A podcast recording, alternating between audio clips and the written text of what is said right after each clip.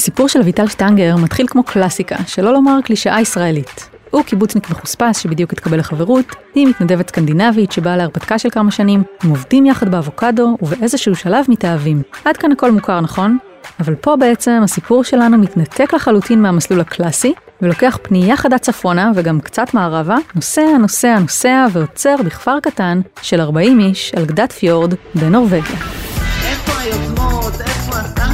ישראל היא מקום אה, לא קל. הגשת אוכל הודי עם צ'ופסטיק לסיני ובכלל את מישראל. דברים שרואים משם, סיפורים על ישראלים מעבר לים.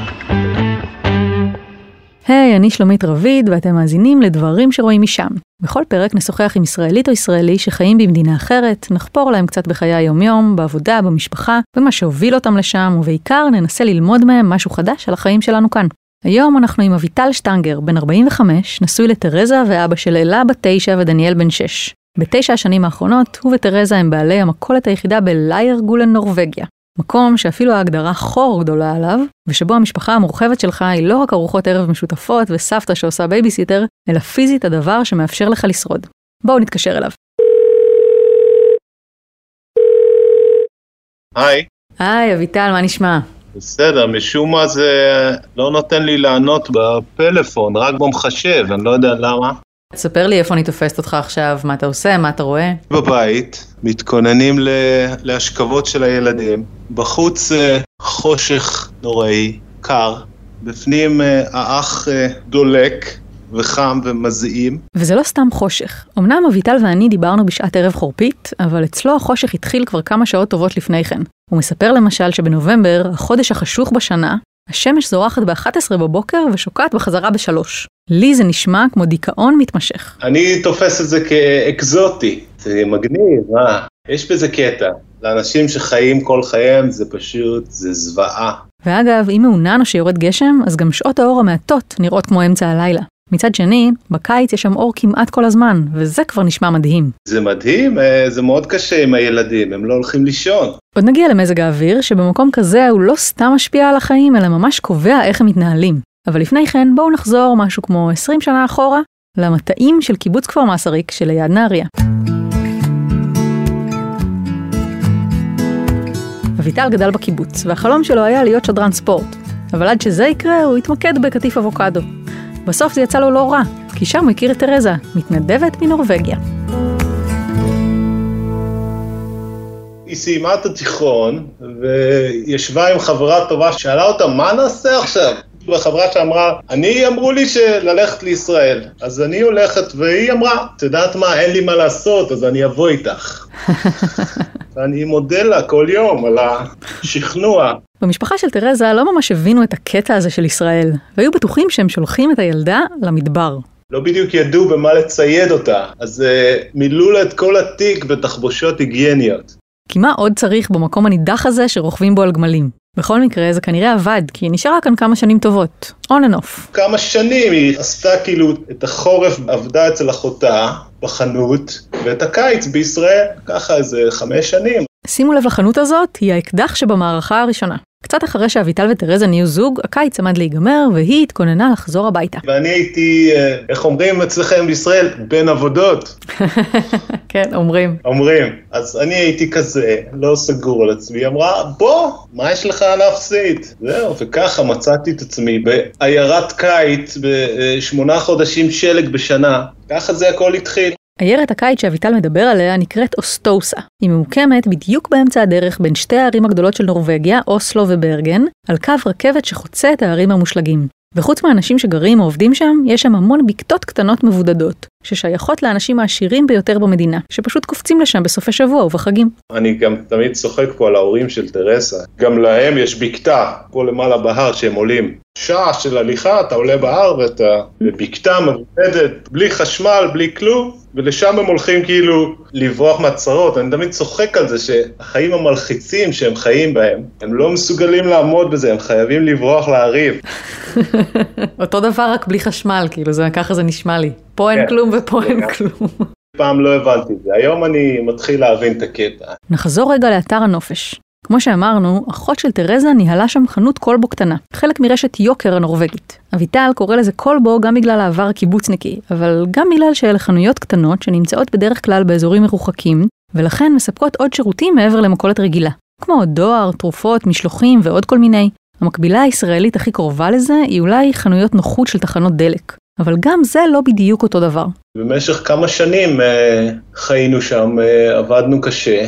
כמה קשה יכול להיות במקום שמתניידים בו על מגלשיים? די הרבה.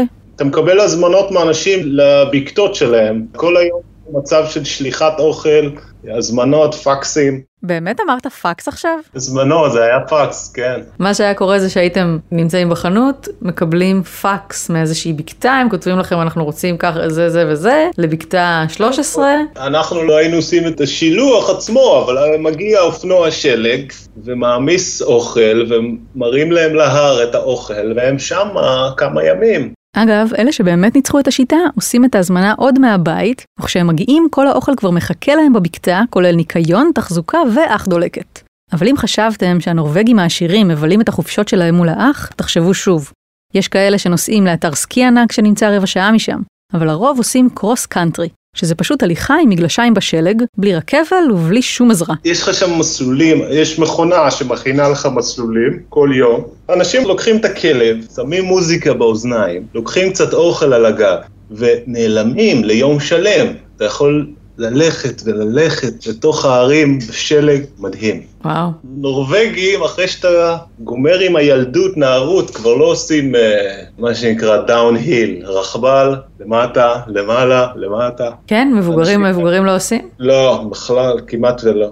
אחרי כמה שנים כאלה של הלוך חזור, חורף בנורבגיה וקיץ בישראל, לאביטל קצת נמאס והוא שכנע את תרזה לחזור לקיבוץ. הם בסך הכל אהבו את החיים בארץ ושקלו להשתקע פה. אבל אז הם נתקלו במציאות. בשבילנו ישראל תמיד הייתה המקום של החופשה, שבאים, וקיץ, וים, ובריכה, וחומוס ואבטיח, כן? ופתאום, וואלה, צריך uh, ללכת לבנק, ומשרד הפנים, ולחפש עבודה. כאילו, החיים האמיתיים, כן? מהמם. זה לא שבנורבגיה אתה לא עושה את זה, אבל זה כל כך פשוט בנורבגיה, אז uh, זה היה לנו מין שוק תרבות, זה הרי יש בזה, זה קצת מוגזם, כן? אבל uh, חטפנו כאפה. היה להם קצת קשה למצוא עבודה, או כשהם כבר מצאו היה להם קשה להתרגל שוב להיות עובדים מן המניין אחרי שכבר ניהלו עסק משלהם. במשרד הפנים עשו להם את המוות כי תרזה לא יהודייה, ובפנים כבר התחילו לבעבע מחשבות כפירה. ואז קרו שני דברים ששמו את המסמר האחרון בארון החיים שלהם בישראל. הראשון הוא שתרזה נכנסה להיריון ורצתה ללדת בבית. והשני הוא הצעה מפתה, שנחתה עליהם במפתיע. בכפר של אשתי הייתה חנות קטנה וישנה, ואישה מבוגרת שניסתה להיפטר שנים מהעסק הזה, והיא לא מוכנה למכור לאף אחד, רק אם מישהו ימשיך את העסק כחנות. זוכרים את האקדח מהמערכה הראשונה? אז הנה הוא יורה. ופתאום הכל התחבר, אנחנו כאילו ידענו פחות או יותר מי נגד מי, אבל אף פעם לא בדקנו שם את העסק, את הבניין, שום דבר. קנינו את זה בטלפון, ממש. זה עלה אה, מיליון נקודה שתיים קרונות. בזמנו זה היה 600, 650 אלף שקל. אביטל מספר שמדובר במבנה ישן, קצת מתפורר, שבקומה התחתונה שלו יש כאמור חנות, ולמעלה דירה שמושכרת למשפחה, שהגיעה לנסות לגור בכפר, במסגרת תוכנית לעידוד מעבר של משפחות חדשות לשם. סוג של משרד אה, הנגב והגליל הנורבגי. אבל השוס הגדול הוא המיקום, במרכז הכפר, על המים, עם מזח פרטי ומקום לעגון את הסירה שלך. ממש דירה עם חנות חיים בכפר, ועבודה בחנות, אבל לפני כן אני רוצה לקרוא שנייה לרון, העורך שלנו, שיספר לנו קצת על מה שקורה בנורבגיה. בכיף, בכיף שלומית. נורבגיה היא אחת ממדינות סקנדינביה ושוכנת בצפון אירופה לצד שוודיה ופינלנד. גרים בה קצת יותר מחמישה מיליון איש בשטח עצום של 323 אלף קילומטר מרובע. דמייני קצת יותר מחצי מאוכלוסיית ישראל שחיה על שטח גדול פי 15. יש מצב שרוב הבעיות שלנו היו נפתרות. אתה יודע אגב שקו החוף המערבי של המדינה רצוף פיורדים. פיורדים? מה זה פיורדים? פיורדים זה מין אה, עמקי ים צרים וארוכים שתחומים בצוקי ענק תלולים. יש מצב שזאת אחת מתופעות הטבע הכי יפות שיש. דמיין את השומר מסך הכי מרשים שראית אי פעם, אז משהו כזה. אגב, את יודעת שנורבגיה אחת מהמדינות העשירות בעולם בזכות מאגרים עצומים של נפט וגז טבעי, ולא פחות מכך, בזכות ניהול חכם של הכסף שאוצרות הטבע האלה מייצרים. נכון, קרן העושר של ממשלת נורבגיה הוקמה ב-1990, ואליה זורמות הכנסות המדינה מגז ונפט. נכון לסוף 2019 היא מנהלת נכסים בשווי של יותר מטריליון דולר, שזה יותר מכפול מהתמ"ג של המדינה כולה. לפי אתר הבנק המרכזי, שהוא אגב שקוף ונוח בצורה שפה אנחנו יכולים רק לחלום עליה, מ-98 הקרן מציגה תשואה שנתית של 5.9 אחוזים. אבל הכסף שנכנס הוא רק חלק מהסיפור. החלק השני שהכסף הזה כמעט לא יוצא. חוקים נוקשים מאוד מאפשרים למדינה להשתמש רק באחוזים בודדים מכספי הקרן בשנה, ועדיין הכספים האלה מהווים בערך 20% מתקציב המדינה. המטרה היא להבטיח עוד עשרות שנים של עושר ושגשוג לדורות הבאים. תכנון ארוך טווח מישהו? המודל הזה מראש מתאפשר בגלל שלנורבגיה יש היסטוריה ארוכה של שמירת משאבי הטבע בידי המדינה. היא מאפשרת לחברות פרטיות להפיק נפט וגז למשל, אבל הן עושות זאת תחת רגולציה הדוקה ומשלמות מס של 78% על הרווחים. גם האזרחים שלה היא גובה מיסים גבוהים מאוד. כל הכסף הזה מאפשר לה בין היתר להפעיל מערכת רווחה נדיבה ומפותחת, לככב באופן קבוע בראש טבלאות איכות החיים בעולם, לשמור על שעות עבודה שפויות ולתת חופשות לידה של 49 שבועות, ש-15 מתוכם אפשר להעביר לבן או לבת הזוג. נשמע טוב. נורבגיה, אגב, היא גם אחת המדינות הידידותיות ביותר בעולם לקהילה הלהט"בית. נישואים גאים אושרו שם כבר ב-2009, זוגות חד-מיניים יכולים לאמץ ואפילו לקבל הכרה כהורים של הילדים שלהם, גם אם לא ילדו אותם, וזה בלי לעבור בבית המשפט. תכלס, נשמעת מדינה מושלמת. אולי חוץ מהקטע של הקור והחושך.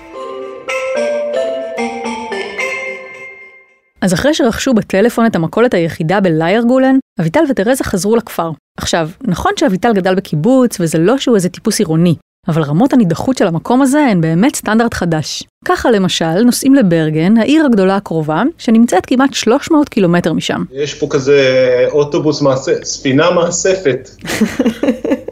כן, ממש ככה. אז היא עוצרת אצלנו, יש תחנה, אצלנו בכפר, זה נהדר, אז אתה בשבע וחצי בבוקר עולה לספינה, ספינה די גדולה, שעושה כזה מאסף עד לברגן, ארבע שעות נסיעה. וואו, נשמע מדהים, ואם היית רוצה לנסוע באוטו? באוטו גם, ארבע, ארבע וחצי. וואו, זה אפילו לא לאט יותר. לא, לא, כל נורבגיה זה הכל אה, מנהרות וצריך מעבורות. מעבר לכל הקשיים שהריחוק הזה יוצר, כמו זה שבית החולים הקרוב הוא במרחק שעה וחצי נסיעה פלוס מעבורת, וזה שרוצים לסגור להם את בית הספר בכפר כי לומדים בו רק 13 ילדים, זה מוביל גם לסיטואציות קצת משונות מבחינה כלכלית. למשל, אין דבר כזה תחרות בין בעלי מקצוע. את יודעת, אני כאילו באתי לנורבגיה, ישראלי, אחרי, אני הייתי בצבא, כן, כל הזה, אני קיבוצניק, אני עבדתי בחקלאות, כאילו, מי יכול עליי, אה? יודע לנסוע בטרקטור, אתה בא לפה, כל נורבגי ממוצע, תקשיבי טוב, הוא גם צבעי, הוא גם נגר, הוא גם שרברב, הם עושים הכל לבד, כי הנותני שירותים הם כל כך יקרים, זה פשוט לא יאומן. אז כל אחד, מה שהוא יכול לעשות לבד, הוא עושה לבד. אנשים בונים את הבית שלהם לבד פה, זה משהו מדהים. אני עכשיו בונה, אנחנו מוסיפים קפה לחנות, וזה פשוט עלויות שפשוט מטורף. בישראל אתה יכול לבחור איזה חשמלאי שאתה רוצה, להתמקח איתו קצת על המחיר. יש רק אחד, וכמה שהוא רוצה אתה תיתן לו. יש מחיר וזהו, אתה איתי או שאתה... אתה רוצה או לא רוצה? אני תמיד, אה, זה, אני חוטף לפנים את הקטע הזה שאתה לא יכול לבחור, אתה נותן שירות שלך מאוד מצומצם, אתה מאוד, אתה תקוע עם מישהו, גם אם אתה לא מרוצה ממנו. הרבה פחות אה, אופציות לבחירה כל הזמן. אתה חושב שזה משפיע גם על האופי של האנשים? הם, הם, לא יודעת, מקבלים יותר את המצב אה, כמו שהוא? אני חושב שאנשים, אה, שאתה נולד לזה, כמו אשתי, זה בא לה כל כך טבעי, היא לא מבינה מה אני מתרגז, היא לא מבינה שרגע, מה צריך לבדוק את ה... על מה אנחנו משלמים, את מכירה? אתה בודק את הפירוט, נכון? בטח. נו, בטח, נורבגיה לא בודקים פירוט. יש איזושהי רמת אמון גם די גבוהה כנראה בין האנשים. כן, גם אצלי זה נבנה, אני גם בא מ... את יודעת, הוא בטח רוצה לדפוק אותי, הוא בטח תקע לי פה איזה חלקי חילוף לא מקוריים, נכון? בטח. זהו, אז פה זה לא עולה אפילו לדיון, זה מביך כאילו להגיד משהו כזה. אתה מרגיש שהיית רוצה להגיד, ואסור לך, או ש... שבאמת האנשים הם גם ישרים באופן כללי. אני חושב שהם מאוד ישרים, אמינות מאוד גבוהה, אבל מצד שני, כאילו, ברגע שאתה לא מפקפק אף פעם, כאילו, מה, זה אנשים, כאילו, כן? לא צריך, אה, זה שוק קטן, הוא, הוא שוק קטן לכולם. אולי זה המקום להזכיר שגם אביטל עצמו הוא די מונופול בכפר ובכפרים השכנים. החנות המתחרה הקרובה ביותר היא במרחק 20 דקות נסיעה. תראי, יש לי פה שכן הולנדי. אני והוא, מבחינה מנטלית, אנחנו הרבה יותר קרובים מאשר אה, לנורבגים. הוא רב עם כולם, כל הנותני שירות לא רוצים לבוא אליו, כי הוא הולנדי, הוא בודק את, ה... הוא בודק את הקבלה. אני כבר יודע, אני בכלל לא... זה רק אשתי מתעסקת עם זה, אני לא... זה... שום דבר טוב לא יצא ממני ומנותן שירות באותו החדר. מזל שיש את תרזה. זה נכון שיש משהו שמזכיר קיבוץ ביחסים הקהילתיים שאביטל מתאר, אבל כמו שנהוג בנורבגיה, הכל עם פחות אנשים ועל הרבה יותר שטח. בכפר שלהם למשל גרים בערך 40 איש, הרבה מהם מהמשפחה שלה, והם מחוברים לעוד שלושה כפרים קטנים שמאכלסים ביחד משהו כמו 200 איש. תחת גוף שמזכיר מועצה אזורית, והשם של הכפר, לייר גולן, זה שם המשפחה של אימא של תרזה מלפני הנישואים. היא נצר למייסדי הכפר שחיו שם כבר לפני 500 שנה. והכל שמור ומתועד. וכל אחד שם הוא גר מכפר משלו, עם שם משלו, עם דיאלקט משלו, כאילו, חבר'ה, מה קורה איתכם? שמות משפחה מאוד אה, נקודתיים, אתה יודע בדיוק מאיפה הוא בא. זה קטע, זה מרגיש כמו איזה שריד אה, מהעבר הרחוק של אירופה. הקטע הזה של השמות משפחה שמעידים על מאיפה באת וזה, כמו שכזה שום אחר היה סנדלר, כזה. כן, נורבגיה היא מצד אחד, היא ברמות הכי גבוהות של... אה, של סביבה, של איכות סביבה, של טכנולוגיה לגידול דגים למשל, לדוגמה, של תעבורה. אנחנו גרים מול אי, כאילו לעבור אליו, נכנסים למנהרה שיורדת מתחת לפני הים. זה קטע מדהים, הם כאילו לא מבינים מה אני מתלהב. אתה נוסע עם המכונית, אתה 80 מטר מתחת, לא לגובה פני הים, אלא מתחת לקרקעית, אתה נוסע מתחת לים. אני רק מזכירה שאנחנו מדברים על כפר קטן בהרים, לא על איזה כביש מהיר שמוביל לאוסלו. אז יש להם את זה, ומעבורות על אה, חשמל, דברים מדהימים. מצד שני, יש לך מקומות באמת שכוחי אל, מוזנחים, שהכביש הוא עם בורות, ואין תמיד חשמל ומים, באמת, ואנשים מבוגרים שנשארו לבד. להישאר לבד באזורים המרוחקים האלה זה דבר שיכול להרוג אותך, ולא רק משעמום או מבדידות. אביטל מסביר כמה קריטית המשפחה המורחבת לחיים בתוך הטבע הפראי הזה. יש עכשיו אה, את כל המגמה הזאת בישראל, שלא להשתמש עם אח, כי זה מזהם. אצלי בכפר, או במיוחד פה בחווה, אנחנו מחויבים להשתמש באח כמעט כל השנה, בגלל שהשטח של היער עולה עלינו. אז אנחנו כל היום בסוג של קרב, אנחנו צריכים אה, לנסר ולהכין עצים לחורף הבא והבא והבא, כי היער הוא גדל יותר מדי מהר. וואו, זה נשמע כמו בעיה שאין אותה בשום מקום בעולם. אבא של אשתי, הוא הולך ליער עם מסור, מוריד כמה עצים, גורר אותם עם הטרקטור לכיוון הבית, ואז עושים סרט נע, כל המשפחה עומדים, ופשוט אה, הוא חותך במכונה, וכולם מסדרים ומאחסנים את זה, כי העץ הוא כל כך רטוב, שהוא צריך אה, שנה או שנתיים להתייבש. הילד הקטן שלי, בשבילו זה כאילו חוויה, כאילו כל המשפחה ביחד ועומדים וזה, וטרקטור ומסור וזה, אבל הוא כבר מבין את המשמעות שאנחנו צריכים עצים לעוד שנתיים. זה כל כך טבוע בחינוך, והם מבינים את זה, כאילו, winter is coming, זה, זה באמת. זה קצת כמונו עם הכנרת, לא? רק ששם צריך להתאמץ קצת יותר מלסגור את הברז בזמן שמצחצחים שיניים, ובעיקרון אם לא תעשו את זה, לא יישאר לכם בית. אגב, לא רק היער גדל שם מהר מדי, גם העשב, וגם לזה יש פתרון. לנו גם יש פה כבשים, אבל uh, רק כשהם שומרים על המרעה, הם אוכלים את הדשא, במיוחד בקיץ, הדשא צומח כל כך מהר, שאם לא יהיו חיות, אנחנו לא נמצא את הבית. כל אחד שומר לעצמו אה, כמה כבשים, ואתה מזיז אותם כל פעם שיעבדו על קטע אחר. ואיפה הם בחורף כשקר? הם אה, כבשים, אה, הם מותאמי חורף, זה לא מזיז להם. בכלל, הם חיים שם בסינרגיה די מדהימה עם הסביבה, כולל חוקים מאוד מאוד נוקשים שקשורים לאחת הפעילויות הכי נפוצות באזור, דייג. אנחנו על הים, הצייה לים הצפוני, כולם פה יש סירות, כאילו אנשים כל יום מביאים לעצמם דג, אוכלים דג טרי. אבא של אה, אשתי הוא כל היום על המים, אם הוא יכול, הוא לא יחזור הביתה. פעם הייתי איתו, הלכתי איתו לדוג, והוא מתחיל להוציא רשת, מושך את הרשת, זה, אני ברור שלא נוג... אסור לי לגעת בכלום, כן, אני רק מפריע. פתאום מגיע איזה דג יפה, הוא מסתכל על הדג, דג מדהים, כאילו, אני כבר רואה אותו במחבת. אז הוא לוקח את הדג ומחזיר אותו למים, כי כי? החודש אסור לדוג את סוג הדג הזה, וזה Norway on a nutshell, זה הכל, הסיכום של כל החיים בנורבגיה.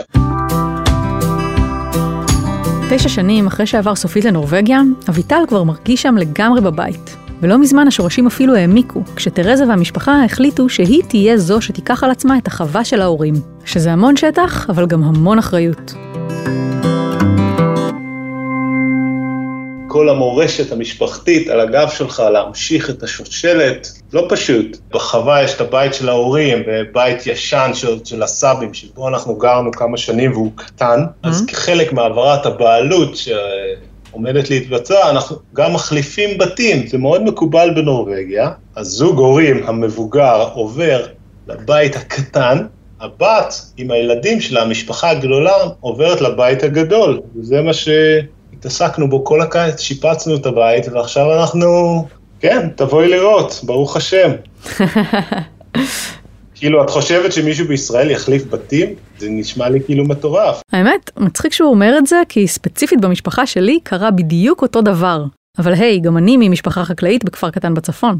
בכל מקרה, גם אחרי כל השנים האלה, יש דבר אחד שעוד לא הולך חלק לגמרי, נורבגית. אחת הבעיות הגדולות, אני עושה ככה ב, עם האצבעות באוויר, הבעיות הגדולות בנורבגיה, שכולם לא רק שמדברים אנגלית, אלא גם אוהבים לדבר אנגלית. לא נותנים לך שנייה להיחנק עם הנורבגית וכבר עוברים אותך לאנגלית. בתכלס הוא עשה שני קורסים, הוא מסתדר מעולה, אבל לא רק בגלל שהרמה שלו מאוד השתפרה. את יודעת, נורבגים הם די צפויים, אתה יודע מה, על מה תהיה השיחה, אתה יכול להתכונן. למה הם צפויים? לא יהיו הפתעות בשיחה. הנורבגי הממוצע לא יתחיל ל- לדבר איתי על הבעיות במזרח התיכון. כאילו מישהו ששומע שאתה מישראל, לא ישאל אותך כלום על זה? לא ישאלו כלום, שום שאלה. בפוליטיקה זה רק אחרי כמה בירות, מישהו יעז להעלות את הנושא. וגם ביניהם, או שזה אה, יחס לזרים? לא, זה ביחס לזר, לא, ביניהם הם, אה, הם יותר טובים. אבל גם, לא ברמות שלנו, של לדבר. הישירות הזאת היא שלנו, היא תמיד מסבכת אותי פה. אנחנו, כישראלים, אנחנו חייבים שתהיה לנו דעה, נכון? ברור. על כל דבר, אז uh, אני רואה את זה כמשהו חיובי, כאילו לתת הערה, כאילו להראות עניין. אנחנו רגילים לקבל ו... ולתת ביקורת, ונורבגים הרבה פחות, הם לא חושבים, מה יצא עכשיו שאתה נותן ביקורת? זה תמיד הגישה, אוקיי, גם אני חושב שזה וזה וזה, בוא לא נגיד את זה, זאת השיטה. ממה אתה חושב שזה נובע? אם הרציונל שמאחורי זה הוא, מה זה משנה מה אני חושב, כי אין לי, אז אני גם לא אגיד את זה, אז כאילו אין לי גם שום השפעה. כאילו האדם האחד הוא בורג קטן באיזו מערכת שהיא גדולה ממנו, ואין לו שום דרך להשפיע עליה. ככה הם מרגישים? ממש, את נוגעת פה באיזה משהו, אני... יש לך איזה בעיה, נגיד, מול הרשויות, אוקיי? מיד מורידים את הראש ומקבלים את זה. שזה טוב למערכת, כן? שאף אחד לא, לא מתמרד, כן? אתה חושב שהם להיות מרגישים שהם ישלמו על זה איזשהו מחיר אם הם יביעו התנגדות? כן, ברור. אתה לא חושף פה את כל הקלפים. אין פה להגיד את כל מה שאתה חושב. זה אתה משאיר עם האישה. אני המקום מפגש של הכפר, אצלי בחנות, זה המקום היחידי שאנשים פוגשים אחד את השני, אז אני צריך ללכת ככה בין הטיפות עם מה שאני באמת חושב. סתם, אז מקומות נגיד בדיוק כמו החנות שלך, זה בדרך כלל בהרבה, אולי בתרבויות אחרות שקצת יותר מוכרות לנו, אה, הרבה פעמים זה, אתה יודע, זה גם המוקד רכילות. כאילו, אנשים באים לשם ומספרים את זה, ואז הם מדברים על זה, וראית את זאתי, וראית את זה. כאילו, אתה בטח מכיר את זה מהמכבסה בקיבוץ, כאילו. זהו, אה, ברור, ברור. אז, אה, זה- אז, אז פה אין את זה? אצלי, איך אשתי אומרת, באים אה, להפריך או לאשר דברים שקורים בכפר. אני הנותן חותמת, אם זה נכון או לא נכון, אבל להתחיל בעצמי לייצר traffic זה בעיה. אבל אתה אומר שאתה כן יודע את כל הדברים שקורים, אז בעצם אתה... כן, כי הכל עובר, כי הכל מדברים, זה המקום היחידי להסתתר מה, מהגשם, מהשלג. אז רכילות יש, אולי קצת יותר מנומסת מאשר בקיבוץ, אבל יש. מה עוד יש לעשות במקום כזה קטן? לילדים שלי, זה מדהים אותי כמה פעילויות יש בכפר כזה קטן, פשוט מדהים. יש להם פעילויות ספורט ומוזיקה ומפגשים כאלה וכאלה וחוגים, אה, ממש המערכת פה עובדת יפה מאוד. מישהו מלמד פסנתר את הילדים בהתנדבות. היא לומדת חצוצרה עם מישהו פה מהכפר. למה? כי בכפר יש תזמורת של הכפר והם בונים עתודה. אינטרס לבנות את הדור הבא של החצוצרות. איזה יופי. אז הכל זה כאלה מין שיתופי פעולה, בדרך כלל בלי כסף. וזה לא נגמר בשיעורי נגינה, כן? הספורט פה הוא כל כך תמוה בתרבות. מקצים לזה כל כך הרבה זמן בבית ספר, בלימודים, בחוגים, בזמן, במקומות, בתקציבים. אנחנו קיבלנו פה מלפני שנה מגרש כדורגל לכפר כזה קטן, כאילו, המדינה שילמה לנו פה למגרש כדורגל, אני לא יודע איפה זה היה קורה. אנחנו בקושי מוצאים פה שחקנים לכדורגל, כן? אבל את המגרש קיבלנו. אביטל מסביר שרוב השנה פשוט קר מדי בכדי להיות בחוץ, אז בחורף הילדים מבלים אחרי הלימודים באולם הספורט של בית הספר. משחקים כדורעף, כדוריד, מתאמנים בהתעמלות. בקיץ זה כבר משהו אחר, יוצאים החוצה, משחקים כדורגל, רצים. זה כאילו מובן מאליו, אתה רק צריך קצת להסיע את הילדים, אבל זה הכל עובד. לנו בקיבוץ זה היה, אני חייב להגיד, אני לא יודע איך זה, Mhm. אנשים גדלים היום, היה הרבה ספורט. תמיד יכלת לעשות ספורט, תמיד כיוונו כן. לזה. אוקיי, אז הילדים מסודרים פלוס פלוס. ומה עם ההורים שלהם? אני פוגש את כולם כל היום, כל יום. אז לי אין צורך, כל הזמן שואלים אותי באמת על בדידות. לא יודע, לי זה אף פעם לא... אני מרגיש דווקא over, כי אני פגשתי את כולם כל מהמם. היום. אבל כן, מבחינת אה, מסיבות ואירועים גם, היה הרבה אקשן יחסית ל... יש בחגים, ויש אה, מסיבה של הכפר פעם בשנה, ויש אנשים שמארחים אצלם, זה די מקובל לעשות כזה, קוראים לכולם אליהם לסוף שבוע, שותים בירה. אבל היומיום של אביטל הוא באמת סביב הבית, בית הספר והחנות. ואם כבר חזרנו לחנות, הנה עוד עניין שאי אפשר להתעלם ממנו. איך נראה שוק העבודה במדינת הרווחה העשירה בעולם? אביטל מכיר את זה בעיקר מזווית המעסיק. והנה סיפור על אחיינית שלו, בת 15, שעובדת אצלו לפעמים בקיץ. עובדת כזאת שאין לה ניסיון, שהיא צעירה, אני משלם לה אה, 300 קרונות שעה. 111 שקלים. יפה, לא? יפה מאוד. לא שאני נחמד, זה- ישלמו לה ככה גם במקום אחר. המשכורות פה הן פשוט מטורפות. עדיף להיות שכיר בנורבגיה, עם כל התנאים, עם אה, ימי חופש, עם חופשה שנתית. את יודעת שבנורבגיה יש חופשה? כמה החופשה? עשרה ימים האחרונים של יולי ועשרה ימים הראשונים של אוגוסט. אנשים לא עובדים, רק הנותני שירותים כמוני עובדים, מדינה מושבתת, מדהים. אז כשאתה שכיר, כאילו, אה, אתה לא רואה אף אחד ממטר, לא מדבר על התנאים הסוציאליים, ימי מחלה, הכל די בקלות.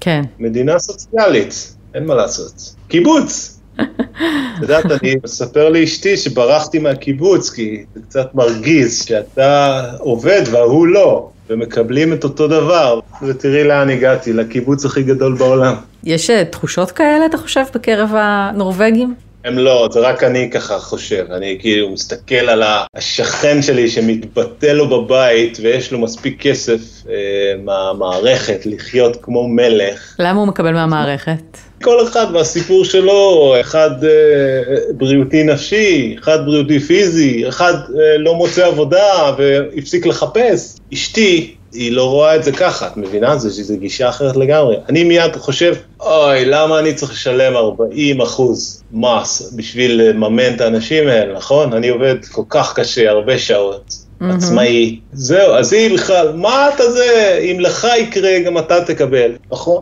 כן, לגמרי. כולנו יודעים. אני, אם אני אצטרך, חס וחלילה, אז אני... אפשר לישון בשקט פה. אבל לפני שכולנו נלך לישון בשקט נורבגי שהיינו מתים שיהיה לנו פה, בואו נעבור לפינה ששמה דברים בפרופורציות.